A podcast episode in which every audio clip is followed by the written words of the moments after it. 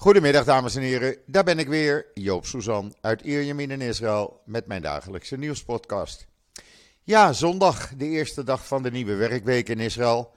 En zoals gebruikelijk eerst even het weer. Nou, het is gewoon lekker, 25 graden, een flauw zonnetje, uh, wat sluierbewolking, een uh, licht windje. Ja, en je kan uh, s'morgens, overdag en s'avonds gewoon in overhemd op straat. En dat is toch ook wel lekker. En als ik dan die beelden zie dat het in Nederland gevroren heeft en ik zie in de Telegraaf uh, uh, schaatsende mensen, dan denk ik, nou, doe mij dit weer dan maar. Dat is toch wel lekkerder. Zoals gisteren ook, uh, lekker met de hond de duinen in. Ja, ik was niet de enige natuurlijk. het strand zat al weer vol. Maar ook heel veel mensen hier de duinen in.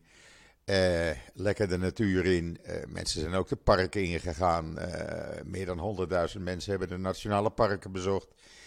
En er zijn ook mensen die zijn wezen skiën, want dat kan nog steeds op de Germon. Daar ligt nog steeds een paar meter sneeuw. Dus zo zie je maar, je kan van alles en nog wat hier in dit mooie, gekke, leuke land. En dan uh, COVID. Laten we daar eerst mee beginnen uh, voordat we andere onderwerpen gaan bespreken, want er is nogal wat gebeurd. Um, ja, uh, daling van het aantal viruspatiënten in Israël. Dat waren er op donderdag nog ruim 67.000. En dat zijn er nu iets meer dan 58.000. Dus dat gaat de goede kant op. In de ziekenhuizen liggen nog 277 ernstig zieke viruspatiënten. 126 van hen in kritieke toestand met 102 van hen aangesloten aan beademing. Nadat we een dag of vier uh, geen meldingen hadden gekregen van mensen die overleden aan uh, COVID, zijn er uh, vanaf donderdag 33 meldingen gekomen van COVID-patiënten die overleden zijn. Daardoor is het aantal doden nu op 10.518 uitgekomen, helaas. Ja, en dan uh, uh, heb ik me nogal kwaad gemaakt om de berichtgeving in Nederland. Wat was er gebeurd? Uh, zaterdagmorgen vroeg drie terroristen die werden gevolgd door specialisten van de IDF, speciale eenheid. Um, begonnen te schieten op uh, de IDF-soldaten. Daarbij werden er uh, drie gewond en één ernstig gewond. Dus in totaal vier gewonde soldaten. Uh, die ernstige gewonde trouwens is in stabiele toestand, dus gelukkig gaat dat de goede kant op. In ieder geval, er zijn toen drie terroristen doodgeschoten. en wat krijg je dan in de Nederlandse pers? IDF of Israël schiet drie Palestijnen dood. Nee, meneer of jongens en meisjes van UNL en jongens en meisjes van de NOS en andere me uh, media in Nederland. Dat is het niet. Het waren drie terroristen die waren onderweg uh, naar Israël om een uh, grote aanval uit te voeren, terreuraanval uit te voeren. men gaat uit dat ze of een gezin in een uh, kibbutz, moshav of nederzetting wilde uh, gijzelen of doden. Of een grote aanslag, zoals we in Benai Barak en Gadera en Beersheba hebben gezien, wilde uitvoeren. Uh, deze terreurcel die werd al sinds vrijdag in de gaten gehouden. En toen ze dus wegreden, ja, toen zijn ze dus gevolgd. In de auto vond, vond de politie M16-geweren uh, handgranaten, nou ja, van alles om terreuraanslagen uit te, te voeren. Uh, later op zaterdag is het laatste lid van die terreurcel aangehouden.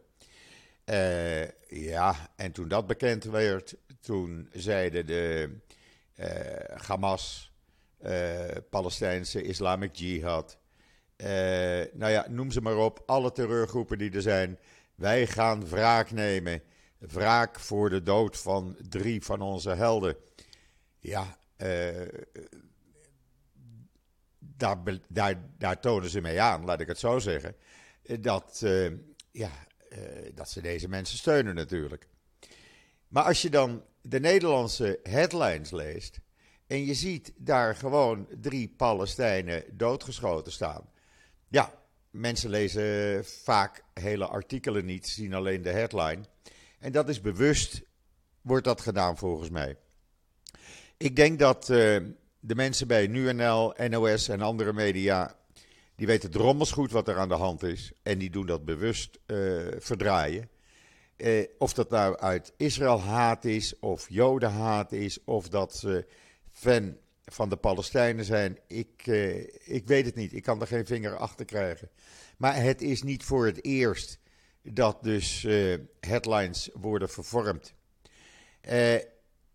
Ik heb ook gisteren aan uh, NuNL en NOS nog even een fotootje gestuurd van die zogenaamde drie Palestijnen, waarin ze dus zwaar bewapend op de foto staan.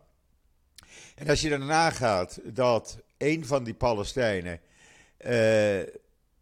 nog een, ja, een verklaring op video heeft gezet, ja, Daarin zei hij dus uh, dat hij iets groots ging doen. Binnenkort horen jullie meer van mij, want ik ga iets heel groots doen in Israël. Ja, dan kan je toch echt niet meer van onschuldige Palestijnen spreken. Premier Bennett heeft trouwens gisteravond in een persconferentie gezegd dat deze Palestijnse Islamic Jihad-cel een ticket de bom was en dat uh, we meer van dit soort terreurcellen kunnen verwachten. Die worden opgepakt. Maar er zullen er ook mogelijk doorheen glippen. En dan krijgen we terreuraanslagen. We bevinden ons midden in een gezamenlijke inspanning om te voorkomen dat de recente terroristische aanslagen doorgaan, zei Bennett. En we doen er alles aan om de veiligheid van de burgers van Israël te herstellen en waarborgen. Onze mensen handelen vaak de klok rond met moed in een vijandige en gewelddadige omgeving, zei hij. Uh, ja, die uh, plaatsvervangend, uh, of die, die zwaar, zwaargewonde soldaat, dat is een plaatsvervangend commandant van de Nationale Counterterrorisme Unit van de IDF. Eh, Bennett heeft hem bezocht. De politiecommandant is er naar het ziekenhuis gegaan. Bennett zegt hij is een van de beste veldcommandanten van Israël. En deze man is, is neergeschoten dus. Maar gelukkig, hij, hij zal er goed uitkomen. ja, Israël is zich aan het voorbereiden op meer. We hebben natuurlijk nu drie terreuraanslagen op een rij gehad. Daarbij zijn elf mensen omgekomen. En dat was in een, ja, tien dagen. Drie grote terreuraanslagen. Nou, de perschef van, het, van de IDF, van het Israëlische leger, heeft verklaard tegenover de krant Wijnet dat het leger is voorbereid op elke eventualiteit. Of dat nou aanvallen zijn vanuit Libanon en Syrië of vanuit Gaza. Men is er op voorbereid. Maar 100% waterdicht, dat krijg je nooit. Uh, er zullen altijd uh, ja, eenlingen doorheen glippen. Er zullen altijd cellen doorheen uh, glippen. Je krijgt het nooit helemaal 100% waterdicht. En dat uh, de IDF eh, op alles voorbereid is, hebben we trouwens vrijdag kunnen zien. Want vrijdag waren er voor het eerst, en dat, is nu, dat gaat gewoon elke dag nu door. Vrijdag waren er voor het eerst gewapende soldaten op straat die de politie arresteerden, assisteerden. Sorry. Stonden op markten, bij ingangen van winkelcentra. Op sommige drukke toegangswegen tot steden en andere plekken uh, waren blokkades, uh, roodblokkades opge, of wegblokkades opgesteld. Uh, om extra controles uit te voeren. Men probeert van alles om terroristen duidelijk te maken dat terreur niet betaalt. Maar ja, of dat uh, 100% waterdicht is, daar moeten we niet van uitgaan. Trouwens, de eerste nacht van de Ramadan, de heilige maand voor de moslims, zag uh, afgelopen nacht toch weer rellen bij Damascuspoort. Uh, er staat een video in, op mijn Twitter-timeline. en op een gegeven ogenblik begonnen jonge Palestijnen toch weer te rellen, waardoor de vier zijn opgepakt. Als het nou een heilige maand is, dan ga je toch niet rellen, dan hou je je toch aan je geloof. Maar ja, dat schijn ik dan verkeerd te zien, denk ik. Trouwens, we hebben een uh, een, een, zogenaamde Palestijnse geleerde gehad. Het filmpje kunt u zien in de Jeruzalem Post. Ja, je weet niet wat je, wat je ziet dan. Dat is een, een islamische, islamitische geleerde, Palestijn. En die beweert in een video van Memory dat Joden diegenen zijn die achter de Russische invasie van Oekraïne zitten. En waarom zitten zij daarachter? Nou, uh, zij weten dat binnen twee jaar Israël niet meer bestaat. Er moet een nieuwe Palestijnse eh, of een nieuwe Joodse staat worden gecreëerd. Ter vervanging van uh, Israël dan, zegt hij. Uh, zodoende zijn de Joden met Poetin samen opgetrokken om Oekraïne te gaan bezetten. Daar wordt dan een nieuwe Joodse staat neergezet. en ja, dat is de enige reden waarom die oorlog is uitgebroken. Want hij zegt trouwens dat de eerste en tweede tempel, die hebben nooit in Jeruzalem gestaan. En dat weten de Joden. Die hebben altijd gestaan in Oekraïne, zegt deze Palestijnse geleerde. Ja, hoe gek wil je het hebben? Nou, zo gek dus. bekijk dat filmpje even in de Jeruzalem Post. En dan uh, voor mensen die uh, binnenkort naar Israël komen, want we hebben genoeg over uh, de terreur nu gehad. ga eens een keertje lekker naar de heetwaterbronnen. Daar kan je je heerlijk ontspannen. We hebben de vier in Israël nu staan. Vier heetwaterbronnen. ik ben er ooit eens een keer geweest daar bij Tiberias. En ja, dat is toch wel een, ja, een ervaring moet ik je zeggen. Je gaat gewoon ja, in heet water. Het is gewoon een heet waterbad. Ga dat eens een keer doen als je hier op vakantie bent. En dan heeft Bas Belder weer een uitstekend artikel geschreven. Die heeft een interview gehad met dokter Remco Leemhuis. over het Israël-antisemitisme, het islamitische invloeden, het Iran-beleid in Duitsland in het publieke debat en de jodenhaat die daar is toegestaan. Het is een, uh, ja, een lang interview, maar wel heel interessant. Uh, een beetje een eye-opener. Ga dat maar eens een keer lezen, zou ik, zou ik zeggen. Uh, dan zie je ook hoe het in, in Duitsland in het echt aan toe gaat. En dan is de grote internationale luchtmachtoefening Inios in Griekenland geëindigd. IDF deed daar met drie squadrons aan mee. En ze trainden samen met Griekenland, Amerika, en, Frankrijk, Italië, Canada, Cyprus en Slovenië.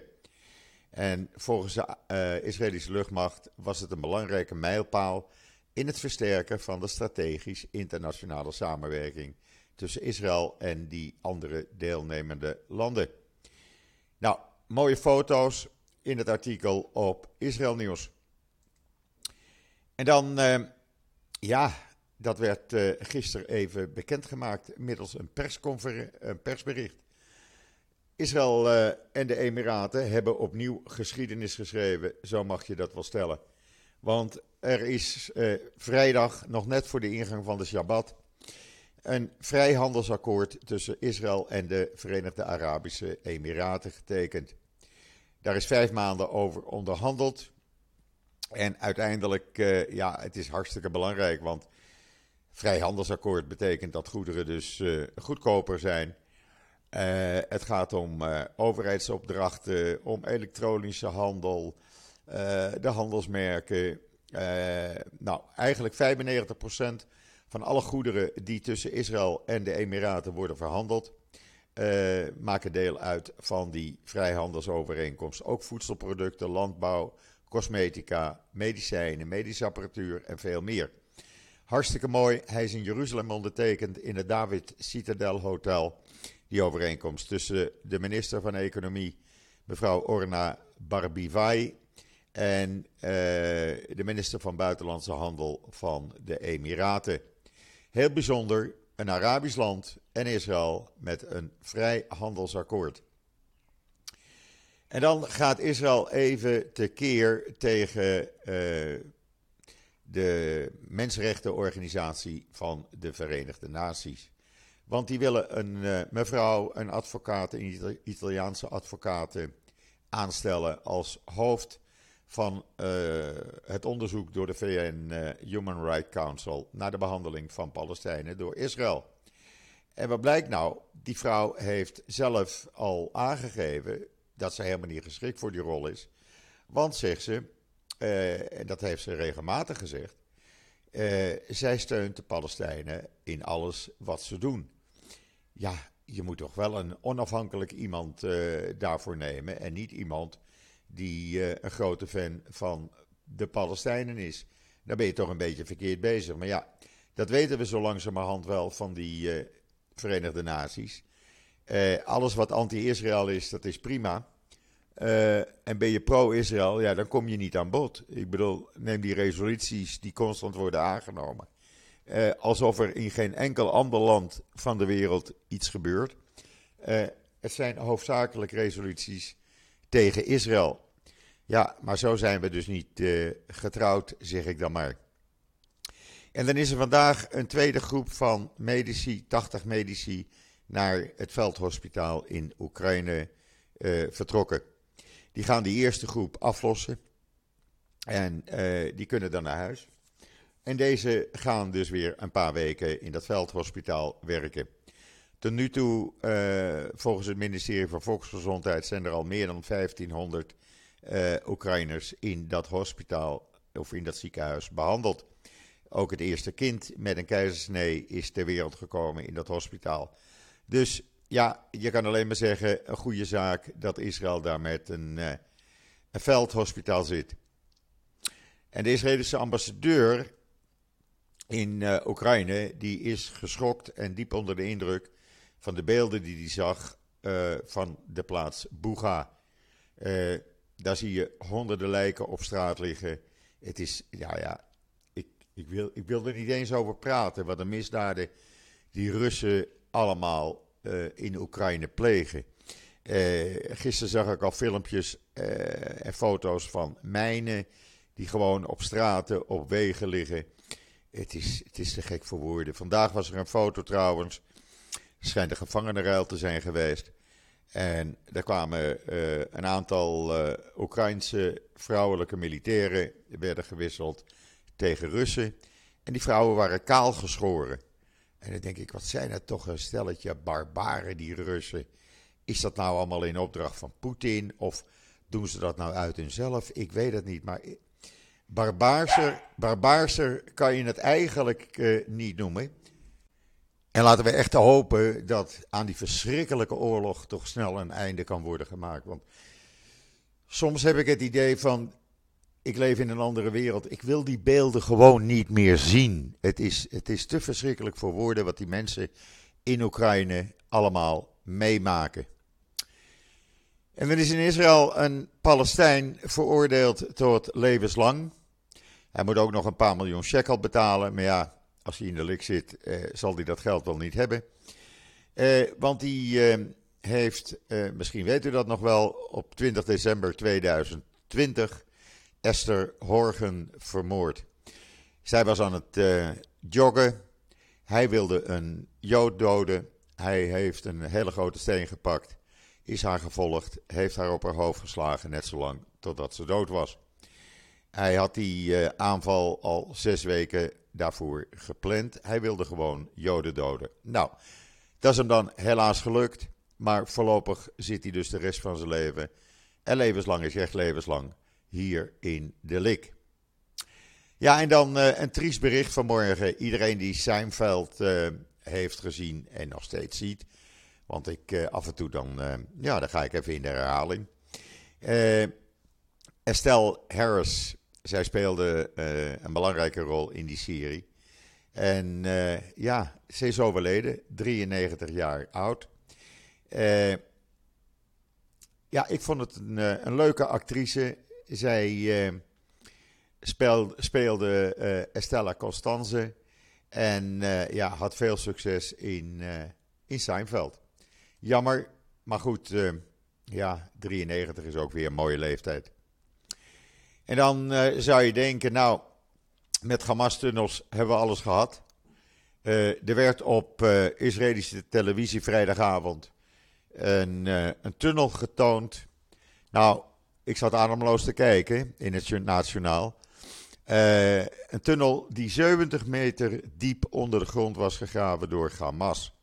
Ze kunnen die niet meer gebruiken, omdat er een uh, ondergrondse barrière is van uh, de IDF.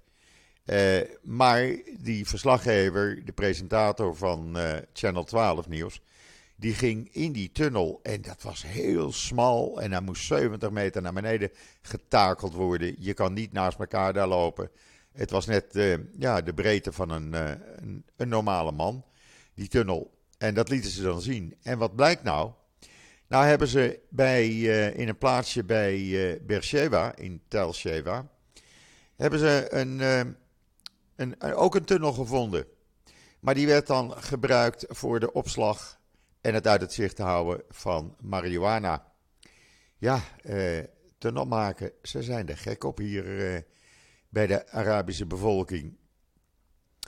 Goed, dat brengt mij zo een beetje tot het einde van deze podcast. Het is nog steeds lekker weer. Ik kan zo meteen mijn ramen weer openzetten. Hoeft de airconditioning niet aan. En uh, ja, de temperaturen zullen nog wat op gaan lopen, want men zegt dat we een uh, sharaf eigenlijk al hebben een beetje. En dat die temperaturen een hoogtepunt op woensdag zullen bereiken. Dan wordt het echt een uh, sharaf uh, wind. Dat wil zeggen een droge woestijnwind. Nou ja, we doen het er maar mee. Dan maar ja, lekker in je overhemdje lopen. En lekker luchtig gekleed zijn. Dat is best uit te houden. Ik wens jullie in ieder geval allemaal sterkte met dat koude, nageestige weer in Nederland. Rest mij nog iedereen een hele fijne voortzetting van deze zondag, de derde, uh, de derde april, toe te wensen. Ik ben er morgen weer en zeg zoals altijd: tot ziens, tot morgen.